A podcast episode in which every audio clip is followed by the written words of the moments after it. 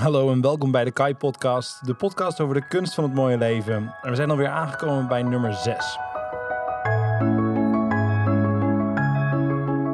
Deze week wil ik het met je gaan hebben over hoe word je succesvol. Een van mijn favoriete onderwerpen, succes. Het is ook heel erg lang mijn beroep geweest om me daarmee bezig te houden. En ik heb er best wel veel over geleerd de afgelopen jaren, zowel positief als negatief. Dus ik denk dat ik er aardig wat over te vertellen heb. En, en aardig wat, wat ik hopelijk voor jou leuk is om naar te luisteren. Allereerst wil ik beginnen met een vraag die ik eigenlijk altijd krijg als ik op het podium sta. En ik heb het over succes. En mensen vragen mij van Kai, wat is nou eigenlijk succes? Wat versta jij onder succes? Er zijn hele lange, grote antwoorden hierop te verzinnen, waar ik zeker al een podcast over kan uh, vullen. En wat ik vandaag ook een beetje ga doen. Maar eigenlijk vind ik succes een ongelooflijk simpel mechanisme. Namelijk, succes is slagen in datgene waar jij in wilt slagen. Punt. Meer is er eigenlijk niet echt over te vertellen.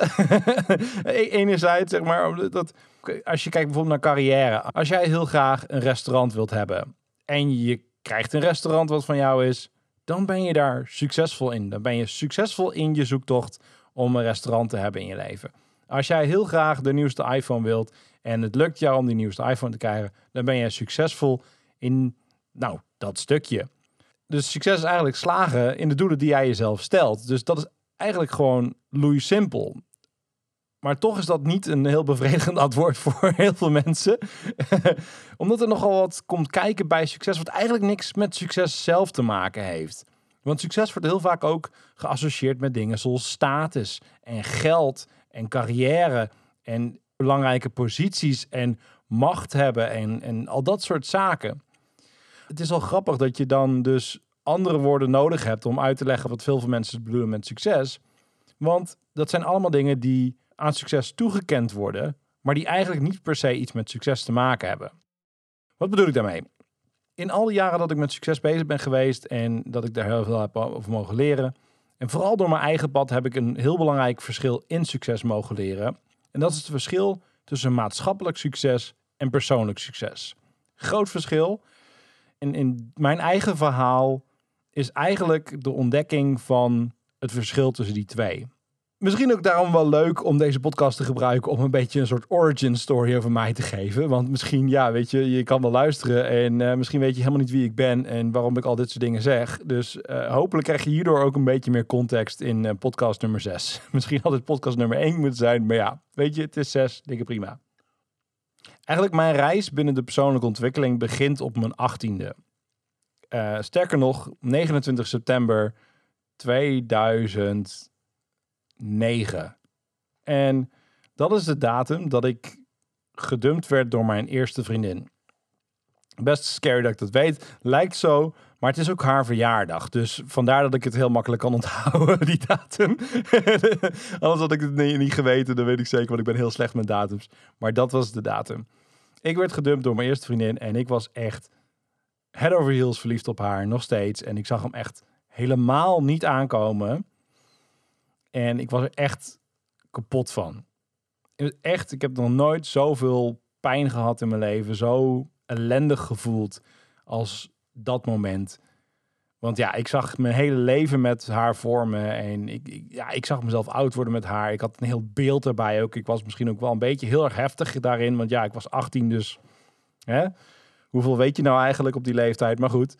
En eigenlijk de jaren die erop volgden, heb ik haar heel slecht los kunnen laten. Ik ben psychologie gaan studeren in Enschede. En niet heel toevallig woonde zij ook in die stad. En kwam ergens wel weer mooi uit dat ik daar wilde studeren en dat zij daar ook woonde. Want er was toch wel een soort fantasie voor mij dat wij weer bij elkaar zouden komen. En ik ben psychologie gaan studeren omdat ik altijd mensen wel fascinerend heb gevonden. En hoe mensen denken en hoe mensen gedragen. Dus ja, dat, dat wilde ik studeren. En ik merkte eigenlijk al vrij snel in die studie dat ja, die studie eigenlijk heel erg ging over ziektebeelden binnen mensen. Dus over dingen zoals borderline en persoonlijkheidsstoornissen en depressie en burn-out. En gewoon echt best wel ja, de, de, de negatieve kant van het menselijk bewustzijn. En ik was juist heel ja, geïnteresseerd in de positieve kant. Van hoe kunnen we nou het beste uit onszelf halen? Hoe kan je nou talenten ontdekken? Hoe kan je nou mensen motiveren om fantastische dingen te doen. Want mensen kunnen fantastische dingen doen samen. Dus ja, daar lag gewoon meer mijn interesse dan in dat stuk. En ik merkte eigenlijk al vrij snel dat ik dat binnen mijn studie niet ging krijgen.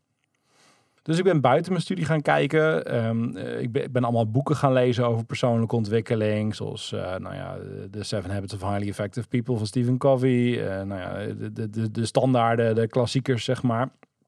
En ik ben er ook workshops over gaan volgen. En eigenlijk bij toeval ben ik in een workshop terechtgekomen. Die heette Succes door eigen creatie. En die werd gegeven door David de Kok. En ik weet dat ik in het publiek zat en dat ik echt helemaal blown away was ik zag David daar op het podium dingen vertellen. En het, het raakte me allemaal. Het, het, leek heel erg over mij te gaan. En ik dacht, wauw. Als ik ooit ook zo op het podium zou kunnen staan. Ja, dat zou echt fantastisch zijn. Dat zou het mooiste zijn wat ik zou kunnen doen qua beroep. En eigenlijk voor de eerste keer in mijn leven had ik een echt idee van... Dit zou ik wel willen doen. Hier zou ik echt wel voor tekenen om dit beroep te kunnen doen er ging ook heel veel over relaties. En ik merkte dat hij daar heel slim in was. Dus ik wilde ook heel graag dicht bij hem in de buurt komen. Want misschien zou hij me wel kunnen helpen met nou ja, de relatieproblemen die ik had. Want ja, ik was nog echt nog steeds helemaal gek op mijn eerste vriendin. En ik bleek daar maar niet vanaf te komen. Want ja, we waren wel weer een jaar vier verder. Ik had dus een soort tweedelig plan. Enerzijds hoopte ik van ja, die, die, dat verlangen naar haar af te komen. En anderzijds dacht ik van hé, hey, ik heb een heel groot nieuw verlangen. En dat is een verlangen om spreker te worden, om het hierover te hebben, over persoonlijke ontwikkeling. En dat heb ik toen eigenlijk besloten van oké, ja, dit wil ik doen, maar, maar hoe dan? Dat was eigenlijk de eerste gedachte die in mijn achterhoofd oppopte. Hoe dan? Hoe word je spreker? Er is geen school die je dat leert. Er is geen uh, cursus voor of zo. Ja, die zullen er vast zijn, maar die had ik toen in ieder geval niet bedacht. En ik dacht, eigenlijk weet ik één ding. En dat is dat hij, die man op het podium, David, die weet het wel. Dus waarom ga ik het hem niet vragen? En eigenlijk, als ik heel eerlijk ben, als ik, als ik hem toch al ga vragen, als ik toch al met hem ga praten, ja, dan kan ik eigenlijk net zo goed vragen of hij misschien een, een baan voor me heeft. Dus ik had dat zo bedacht op mijn stoel. En nou ja, als je het iets bedenkt, dan is het allemaal nog leuk en aardig. Hè? Dan is het een soort van hypothetisch, een soort droom, een soort ideetje in je hoofd. Oh ja, dat zou wel zo grappig zijn om het zo aan te gaan pakken of zo. Dat, uh, ja, hmm, dat zou wel kunnen. Maar het is nog een heel groot stuk tussen dat en daadwerkelijk besluiten om het te gaan doen. En ik merkte dat ik het heel moeilijk vond om op te staan en ook daadwerkelijk naar die man toe te gaan. Want nadat de workshop klaar was, was er een soort signeersessie van David had zijn eerste boek geschreven. Dus ik dacht, nou, ik ga het boek kopen en dan uh, ga ik signeren en dan ga ik met hem in gesprek erover ja, ik zat eigenlijk na een tijdje nog steeds op die stoel een beetje te dromen. Ik dacht, oké, ik moet een plan hebben. Ik moet iets, iets zeggen. Ik moet iets zeggen waarmee ik binnen ga komen bij hem. Dus ik ben daar een beetje gaan oefenen. Een beetje een soort, soort sollicitatiegesprekachtig iets ben ik gaan oefenen van... Hallo, meneer de Kok, ik ben Kai van Maas en ik ben psychologie-student. En misschien kan ik dit voor u betekenen, voor uw bedrijf. Ik kan er met psycholoog over meedenken met de nieuwste theorieën, bla bla bla. En dan kunt u misschien voor mij, weet je, ik wil heel graag spreker worden. Ik vind het fantastisch wat u doet. Nou, ik had, ik had een heel verhaal voorbereid en op een gegeven moment dacht ik, ja, ja ik heb hem. Dit, hier ga ik mee binnenkomen. Dat, dat, dat komt wel goed. Een soort win-win situatie erin gebouwd. Super. Dus ik stond op uit mijn stoel. En toen voelde ik pas echt hoe ik eraan toe was. Mijn knieën waren aan het knikken. Mijn, mijn handen zweten ongelooflijk erg. Ik, ik voelde me echt helemaal klam. Ik dacht, oh, ik, ik stond echt stijf van de zenuwen. En zo sloot ik aan achter in de rij voor de signeersessie. En die rij die leek wel eindeloos. Leek maar door te gaan. En ook echt als je zo zenuwachtig bent als ik op dat moment was, joh, dan, dan, dan voelt tijd ook echt als oneindig. ik, ik, denk dat ik misschien vijf minuten in die rij heb gestaan, maar het voelde als, als twee uur. En op een gegeven moment stond ik voor David. En dat moment zal ik nooit meer vergeten in mijn leven. En ik kijk hem aan. En ik dacht, nou, nou kom mijn verhalen. En dan ga ik mijn, mijn hele pitch doen en zo. Ik heb goed geleerd. Go. En kijk hem aan en ik zeg: Gast, ik wil je baan. En dat was het enige wat ik uit mijn mond kreeg. Verder, ik had een totale blackout. Ik dacht, oh nee, waar zit je nu met je verhaal? Je had iets voorbereid en nou, nou, nou, nou komt alleen dit eraan. En gast, ik zeg nooit gast. Ik zeg nooit gast. Dus waar komt dit nou in één keer vandaan en zo? En tot mijn grote verbazing keek David mij aan en zei, mooi, dat gaan we doen. Volgend weekend geef ik een seminar en jij bent daar coach. En ik denk dat mijn antwoord iets moet zijn geweest als... ik, ik, ik, kon niet begrijpen dat dat heeft gewerkt. En David pakte mijn boek en sailleerde hem. Guru in opleiding. En dat was dat. En om een heel lang verhaal, wat het sowieso is, uh, kort te maken, zeg maar. Daarna ben ik gaan coachen op dat seminar. En toen hebben we daarna hadden David en Arjan. Arjan Vergeer, die kwam er toen ook bij. En die, die presenteerde een nieuw project. Dat heette 365 dagen succesvol. En ze zeiden dat ze op zoek waren naar een stagiair. Nou, en ik kon gewoon niet anders dan dat aanbod. Dat moest ik hebben. Dus ik heb echt gewoon een mail geschreven van... jongens, ik vind het zo tof wat jullie doen. En ik zou dat heel graag willen leren. Alsjeblieft, alsjeblieft, alsjeblieft mag ik stagiair zijn. Ik doe alles wat jullie willen. Nou, daar gingen ze gelukkig op, in. En zo zijn we eigenlijk, in 2013 was dit, zijn we op een, uh, in een anti-kraakband gegaan met z'n drieën op het Rokin in Amsterdam, net achter de Dam. Zijn we begonnen met het schrijven van het boek 365 dagen succesvol. Ik heb de jongens mogen helpen met het ontwikkelen van een methodiek van het programma. Want ze gaven namelijk persoonlijke ontwikkelingsprogramma's voor het geval je ze nog niet kent. Want ze zijn behoorlijk bekend geworden uiteindelijk. David en Arjan geven met 350 dagen succesvol geven ze persoonlijke ontwikkelingsprogramma's op basis van de 13 stappen methodiek.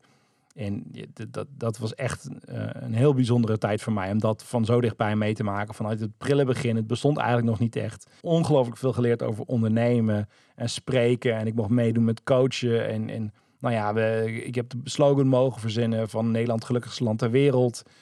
Ja, het was echt... Ik had me geen betere opleiding kunnen bedenken dan dat. Een van de leukste dingen vond ik ook om echt na te denken over die succesmethodiek. Want we gingen namelijk een soort stappenplan bedenken naar succes. Dus eigenlijk zou het zo zijn, als je die, al die stappen doorloopt, moet je succesvol zijn.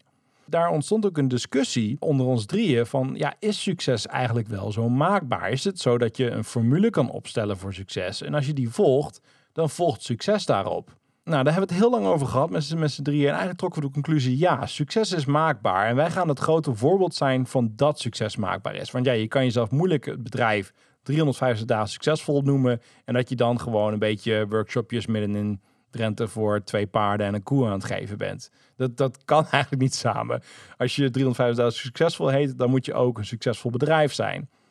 Dus wij waren ook heel erg gefixeerd om het een succes te maken.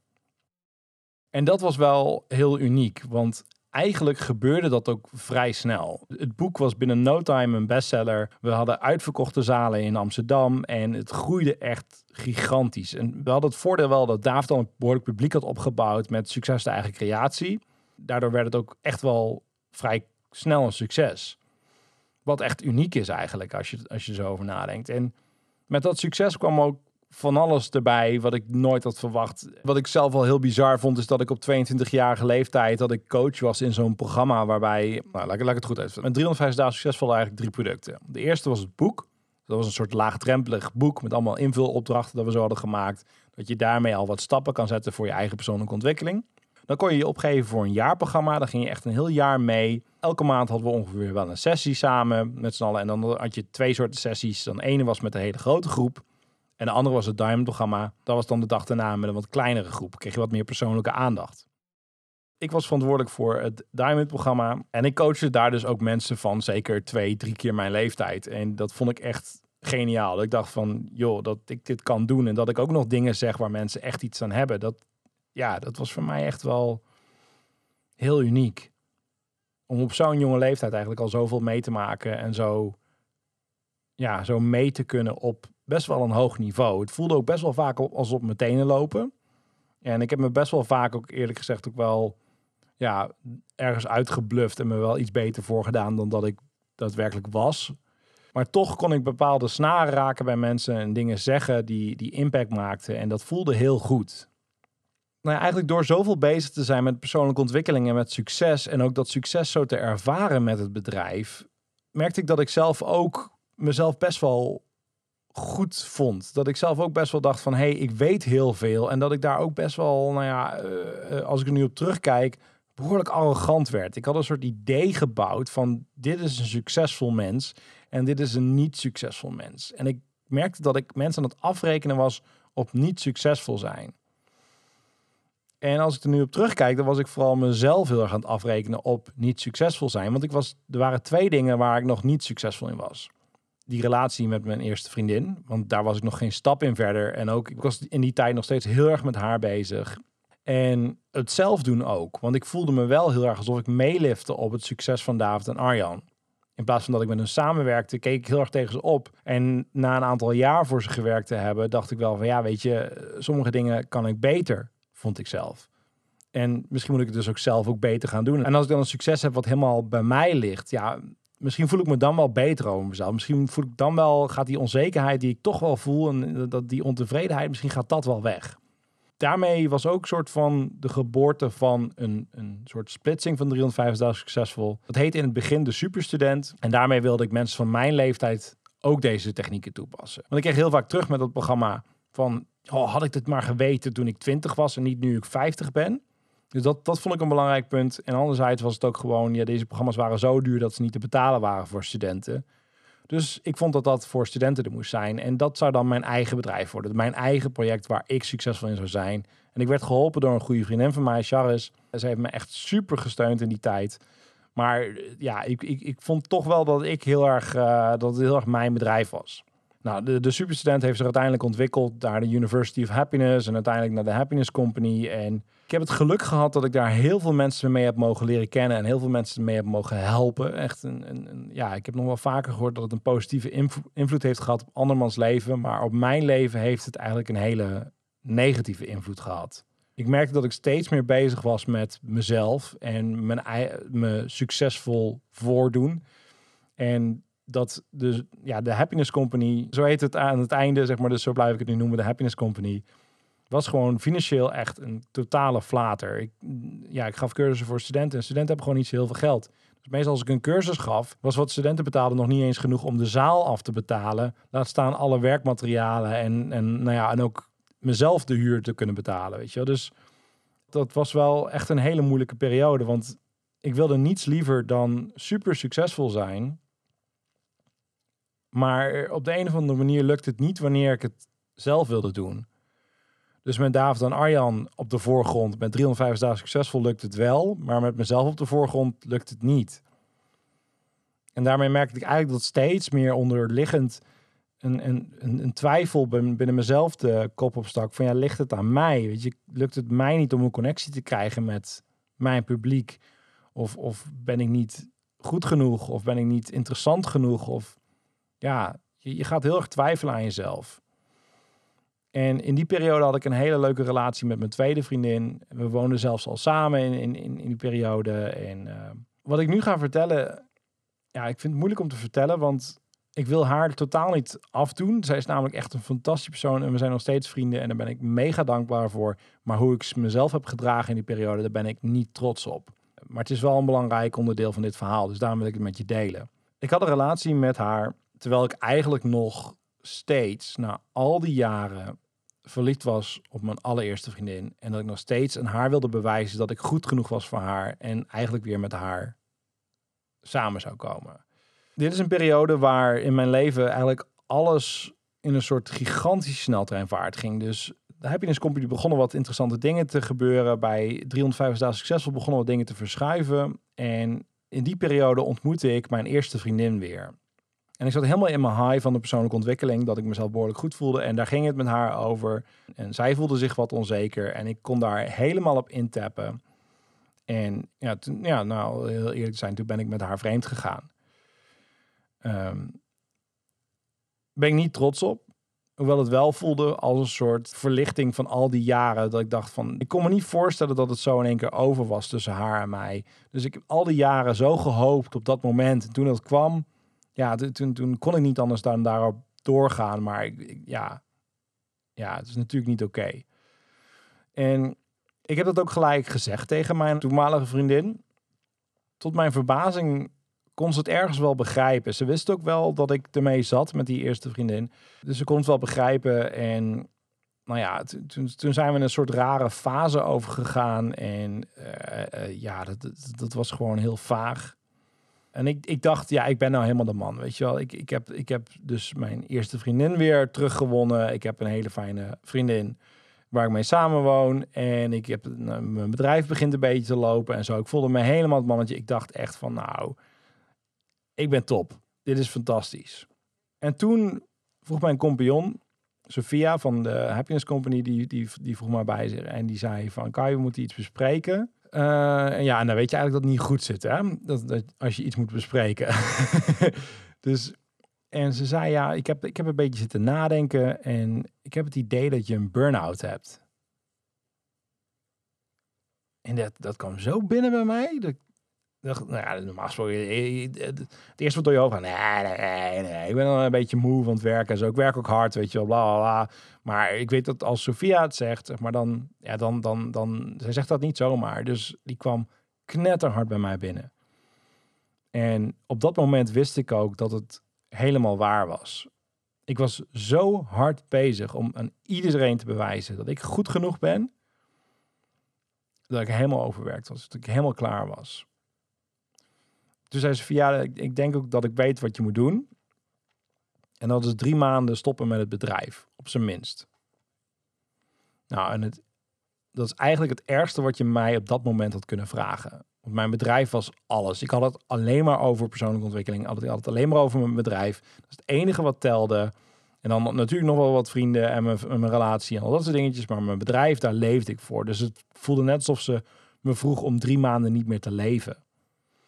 En toch wist ik dat ze helemaal gelijk had. Dus ik heb hem aangenomen. En ik ben gewoon naar huis gegaan. En ik heb echt niks meer met het bedrijf te maken gehad. En in die drie maanden is mijn relatie met mijn toenmalige vriendin uitgegaan om hele gegronde redenen. We zijn heel goed uit elkaar gegaan, hebben we goed over gehad. En eigenlijk besloten dat we niet bij elkaar pasten. Uh, ben ik dus ook mijn huis verloren. Nou, toen het uitging met die vriendin, toen ging in één keer mijn eerste vriendin ook. Die, die, die vond het allemaal in één keer heel veel, veel te veel. Wat super begrijpelijk is, want het was ook echt mega veel. Ik was een wrak. Niet leuk om mee om te gaan. Dus zij zei ook van ja, dit, dit is jouw ding. Uh, hier heb ik niks mee te maken. Dus zij ging ook weg. En, en, en ja, toen raakte ik echt best wel in een heel diep dal. Ik, ik, denk dat ik wel kan zeggen dat ik depressief ben geweest. Echt wel uh, depressief. Dus niks meer was leuk, niks meer was goed. Ik had nergens meer zin in. Ik, ik, ik, ik zag het eigenlijk helemaal niet meer zitten. En ja, toen had ik het eigenlijk een van de weinige dingen waar ik echt nog heel veel plezier uit haalde, was mijn hond. Boken heette hij, een tackle. Het was zo'n leuk beest, die hield gewoon onvoorwaardelijk van me of ik nou zeg maar op grote podia sta of met een joggingbroek thuis op de bank zit. Volgens mij heeft hij dat nog liever dan dat ik op een groot podium sta. zo. Dus ja, dat beestje betekende heel veel voor mij in die periode. Ik dacht van, ja, weet je, jij houdt onvoorwaardelijk van mij. Echt. Wat ik maakt niet uit, jou maakt niet uit wat ik doe, wie ik ben of whatever. Gewoon, je, bent gek op mij. En, en, in die, die periode ging die ook dood, onverwachts, in één keer. En dat was voor mij echt, ja, rock bottom gewoon. Dat was echt het, het grootste dieptepunt wat ik ooit heb meegemaakt in mijn leven ik had het gevoel dat ik echt alles kwijt was. Alles wat ik voor leefde, alles wat ik vond dat ik was. Alles was ik kwijt. En ik stelde mezelf echt serieus de vraag van ja, waar leef ik eigenlijk nog voor? Waar, waar, waar doe ik het eigenlijk nog voor? En dan denk je eigenlijk, ja, je hebt, je hebt dan eigenlijk, kom je uit op dat je maar één keuze hebt. En dat is doorgaan of niet doorgaan. En dat was wel een vraag waar ik mee speelde een tijd. Doorgaan of niet doorgaan. En één nacht, zeg maar, ik had heel veel van die woelige nachten waar ik, waar ik maar wakker werd gehouden door al mijn gedachten. En gewoon waar, waar ik mezelf echt helemaal gek maakte met alles wat ik dacht. Eén avond was ik wakker, eh, een beetje wakker slaaf, weet je wat dat gevoel. En toen werd ik in een, in een soort droom, waakdroom, heel duidelijke droom, werd ik, werd ik getransporteerd. En ik was in één keer twee jaar oud. En ik stond voor een deur samen met mijn vader. En ik wist dat achter die deur lag mijn moeder op bed met mijn pasgeboren zusje. Mijn vader kijkt naar beneden, die zegt tegen mij: Kai, je bent nu een grote broer van Diede. En de enige waar ik aan kon denken is: daar ben ik niet goed genoeg voor. Dat kan ik helemaal niet. En toen begon in één keer zoveel puzzelstukjes op hun plek te vallen. Die gedachte, daar heb ik eigenlijk mijn hele leven lang tot dat punt toe mee gezeten enige wat ik heb gedaan in mijn leven tot dan toe is aan alles en iedereen bewijzen dat ik wel goed genoeg ben. Eigenlijk als ik toen ik er ook op terugkeek, kon ik zien dat mijn hele weg naar succes als spreker, eigenlijk dat moment dat ik David zag op het podium en ik dacht van dat wil ik worden, dat is eigenlijk alleen maar dat ik dacht van oké, als ik daar zou staan en ik zou allemaal van dat soort slimme dingen zeggen over hoe mensen hun leven moeten leiden en mensen bewonderen me daarvoor en, en, en betalen me daarvoor, ja, dan, dan heb je het echt gemaakt. Dat was eigenlijk het gevoel wat ik daarvan kreeg. Dus eigenlijk dat, dat alles wat ik had nagejaagd tot die tijd, was om mezelf het gevoel te geven van ik ben wel goed genoeg. En ik hoopte dat als ik daar ben, dan ben ik wel genoeg. En dat verlegde zich steeds weer, weet je. En eerst stonden we in uh, comedy-zalen. Nou, toen, toen vond ik dat... Toen, nou, toen stonden we wat grotere zalen. Nou, uiteindelijk heb ik nog in het Gelredoom gesproken. En elke keer was het gewoon niet goed genoeg. En dat was hetzelfde dus met de liefde, zeg maar. Dus, dus dat gevoel wat mijn eerste vriendin me gaf toen ze me dumpte... dat was echt de, de puurste vorm van ervaren van ik ben niet goed genoeg... sinds dat moment van dat ik mijn zusje kreeg. En daarom wilde ik ook zo graag aan haar bewijzen dat ik goed genoeg ben. En daarom was dat zo belangrijk voor mij om haar terug te krijgen. Omdat ik had de enorme hoop dat als ik haar terug zou krijgen, dat ik me dan goed genoeg zou voelen. En dat was niet zo. Dat was niet zo. En dat, dat, dat was het absoluut belangrijkste besef van mijn leven. Dat wat ik ook doe, wat ik ook denk dat ik moet bereiken, is alleen maar voorwaardelijkheid voor mezelf goed genoeg vinden. En dan heb je dus een voorwaardelijkheid binnen jezelf ingebouwd van wanneer je goed genoeg bent.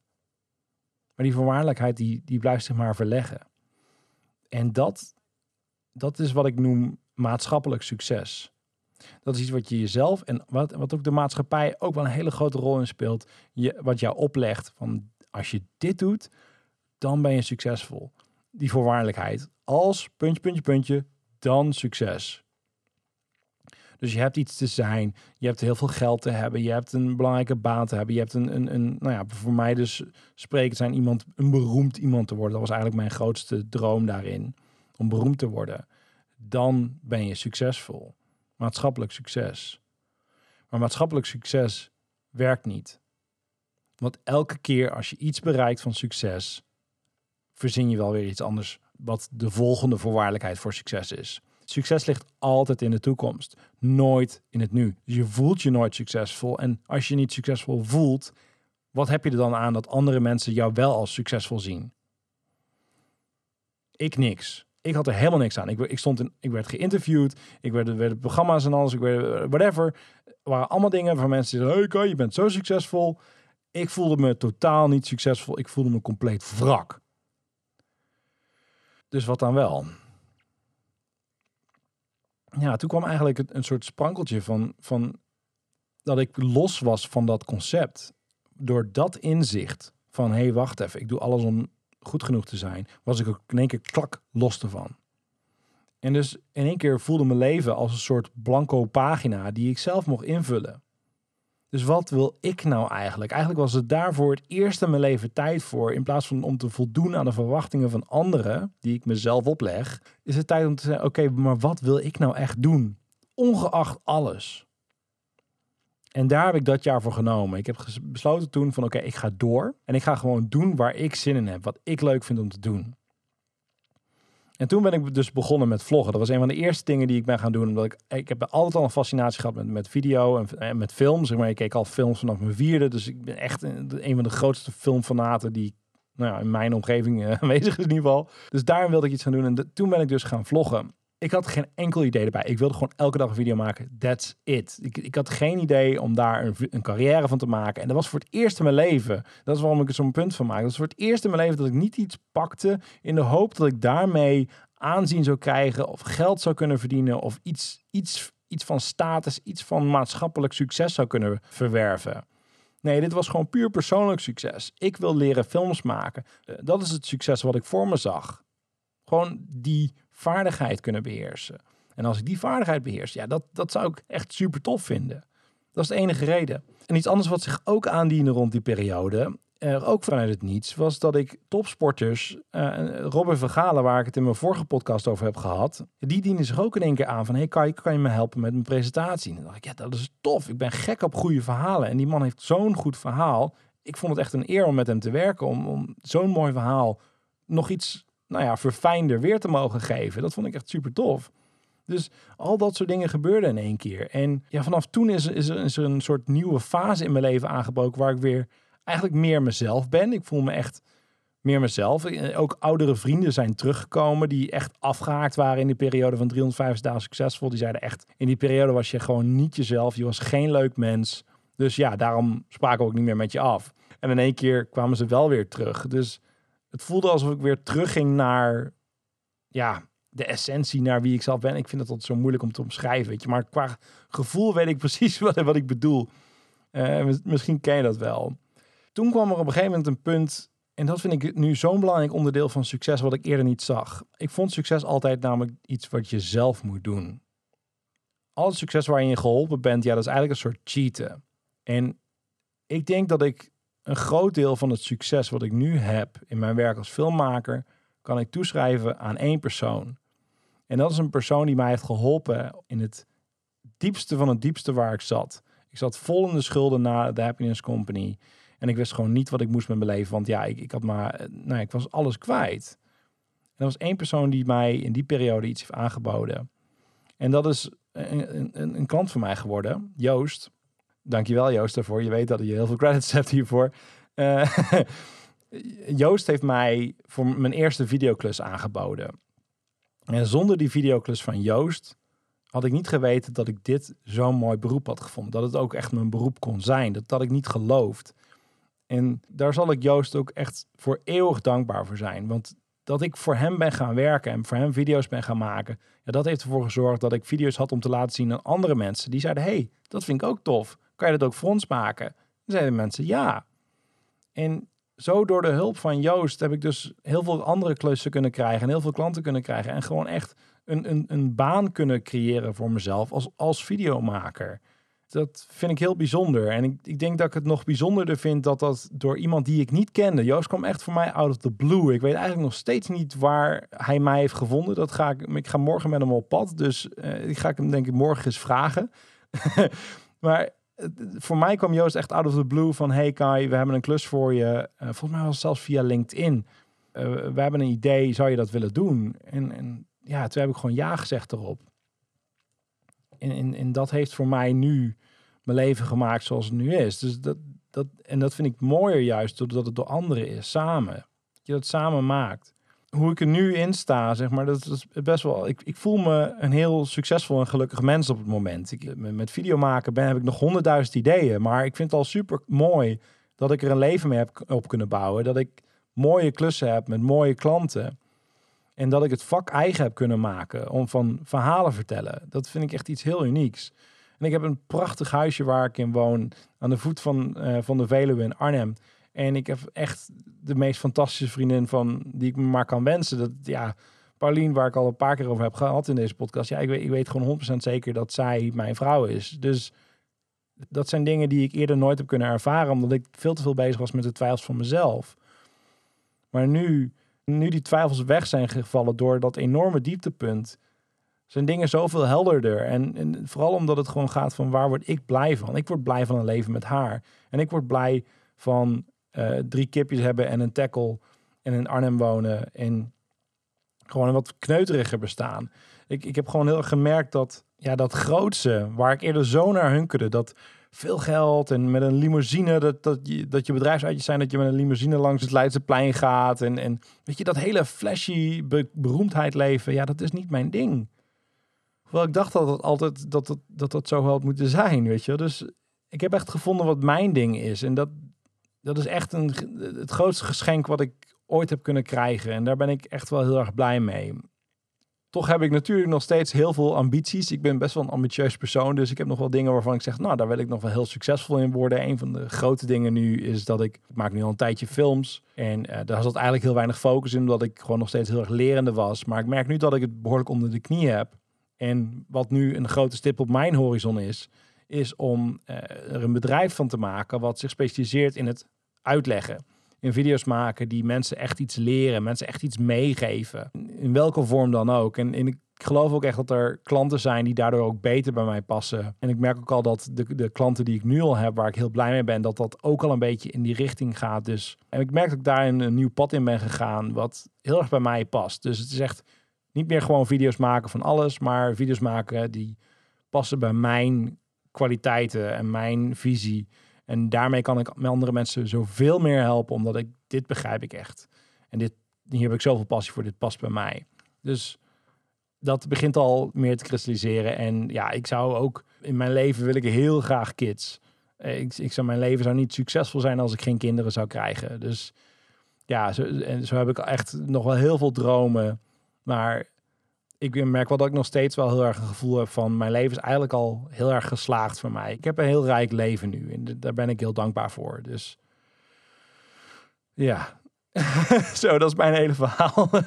nou ben je in ieder geval helemaal op de hoogte. En ik hoop dat, je, dat, dat mijn verhaal een soort metafoor kan zijn om iets beter inzicht te geven in wat nou het verschil echt is. Want het is een heel subtiel verschil. Het is heel moeilijk te merken. Want ik denk als je mij in die periode van 350 dagen succesvol had gevraagd over, nou ben je echt bezig met wat je zelf echt wilt, dan had ik volmondig ja gezegd. En de grap is dat ik nu ook soms wel eens denk bij mezelf van ja, met al die dingen die je nu doet, denk je daar niet ook over tien jaar van, van hey, uh, waar was je toen mee bezig? En waarschijnlijk is het antwoord ja. Waarschijnlijk heb ik over tien jaar, kijk ik weer terug naar deze podcast en denk echt van, oh, wat zat jij toen te zwetsen, jongen. Wist jij nog niet hoe het leven in elkaar zat? En ja, ik weet niet. Ik, ik, ik vind dat alleen maar leuk nu, want ja, dat laat zien dat je groeit, weet je wel. Als je, als je terugkijkt naar jezelf van een bepaalde periode en je denkt van, nou, ik heb wel toch wel een paar lessen geleerd. Nou, volgens mij doe je het dan toch behoorlijk goed in het leven. dus ik hoop dat ik dat denk. Ik hoop dat ik over tien jaar terugkijk naar deze podcast en ik denk van, wauw, ja, dat was best grappig, maar je snapt er niet bij veel van Kai. Oké, eh, ik vind het leuk om mijn podcast af te sluiten met een aantal tips. Om het ook een beetje praktisch te maken. Om er ook iets voor jou, dat je niet alleen maar naar mij luistert, maar dat jij er ook echt iets mee kan. Dus ik heb een aantal tips voor je bedacht. En uh, ja, misschien kan je er wat mee. De eerste tip, en dat is natuurlijk wel een logisch uit wat ik net vertelde, is dat ontdek voor jezelf het verschil tussen persoonlijk en maatschappelijk succes. En dit is echt wel heel erg moeilijk. Want het is heel moeilijk om te kijken van wat is nou wat. Weet je wel? Zoals ik net al zei, ik had het voor mezelf eigenlijk niet eens door. Dus ja. Maar een vraag die mij heel erg heeft geholpen en die ik nog steeds wel vaak stel mezelf, is de vraag: waarom wil je dit nou echt? Soms wil ik iets heel graag. Dus ik denk van, oh, het zou zo tof zijn om dat te doen. En dan als ik mezelf de vraag stel, waarom wil ik dit nou echt?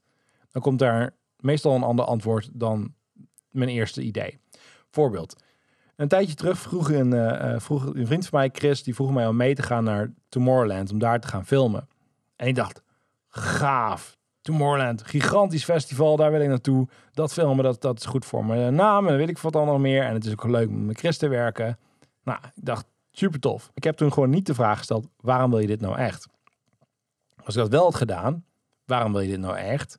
Dan ging het eigenlijk alleen maar om dat statusding toch nog wel. Van ja, Tomorrowland, grote organisatie, groot avontuur. En vorige keer had Chris Paaspop gefilmd, dat had ik ook al gemist. Had ik een beetje FOMO-gevoelens over.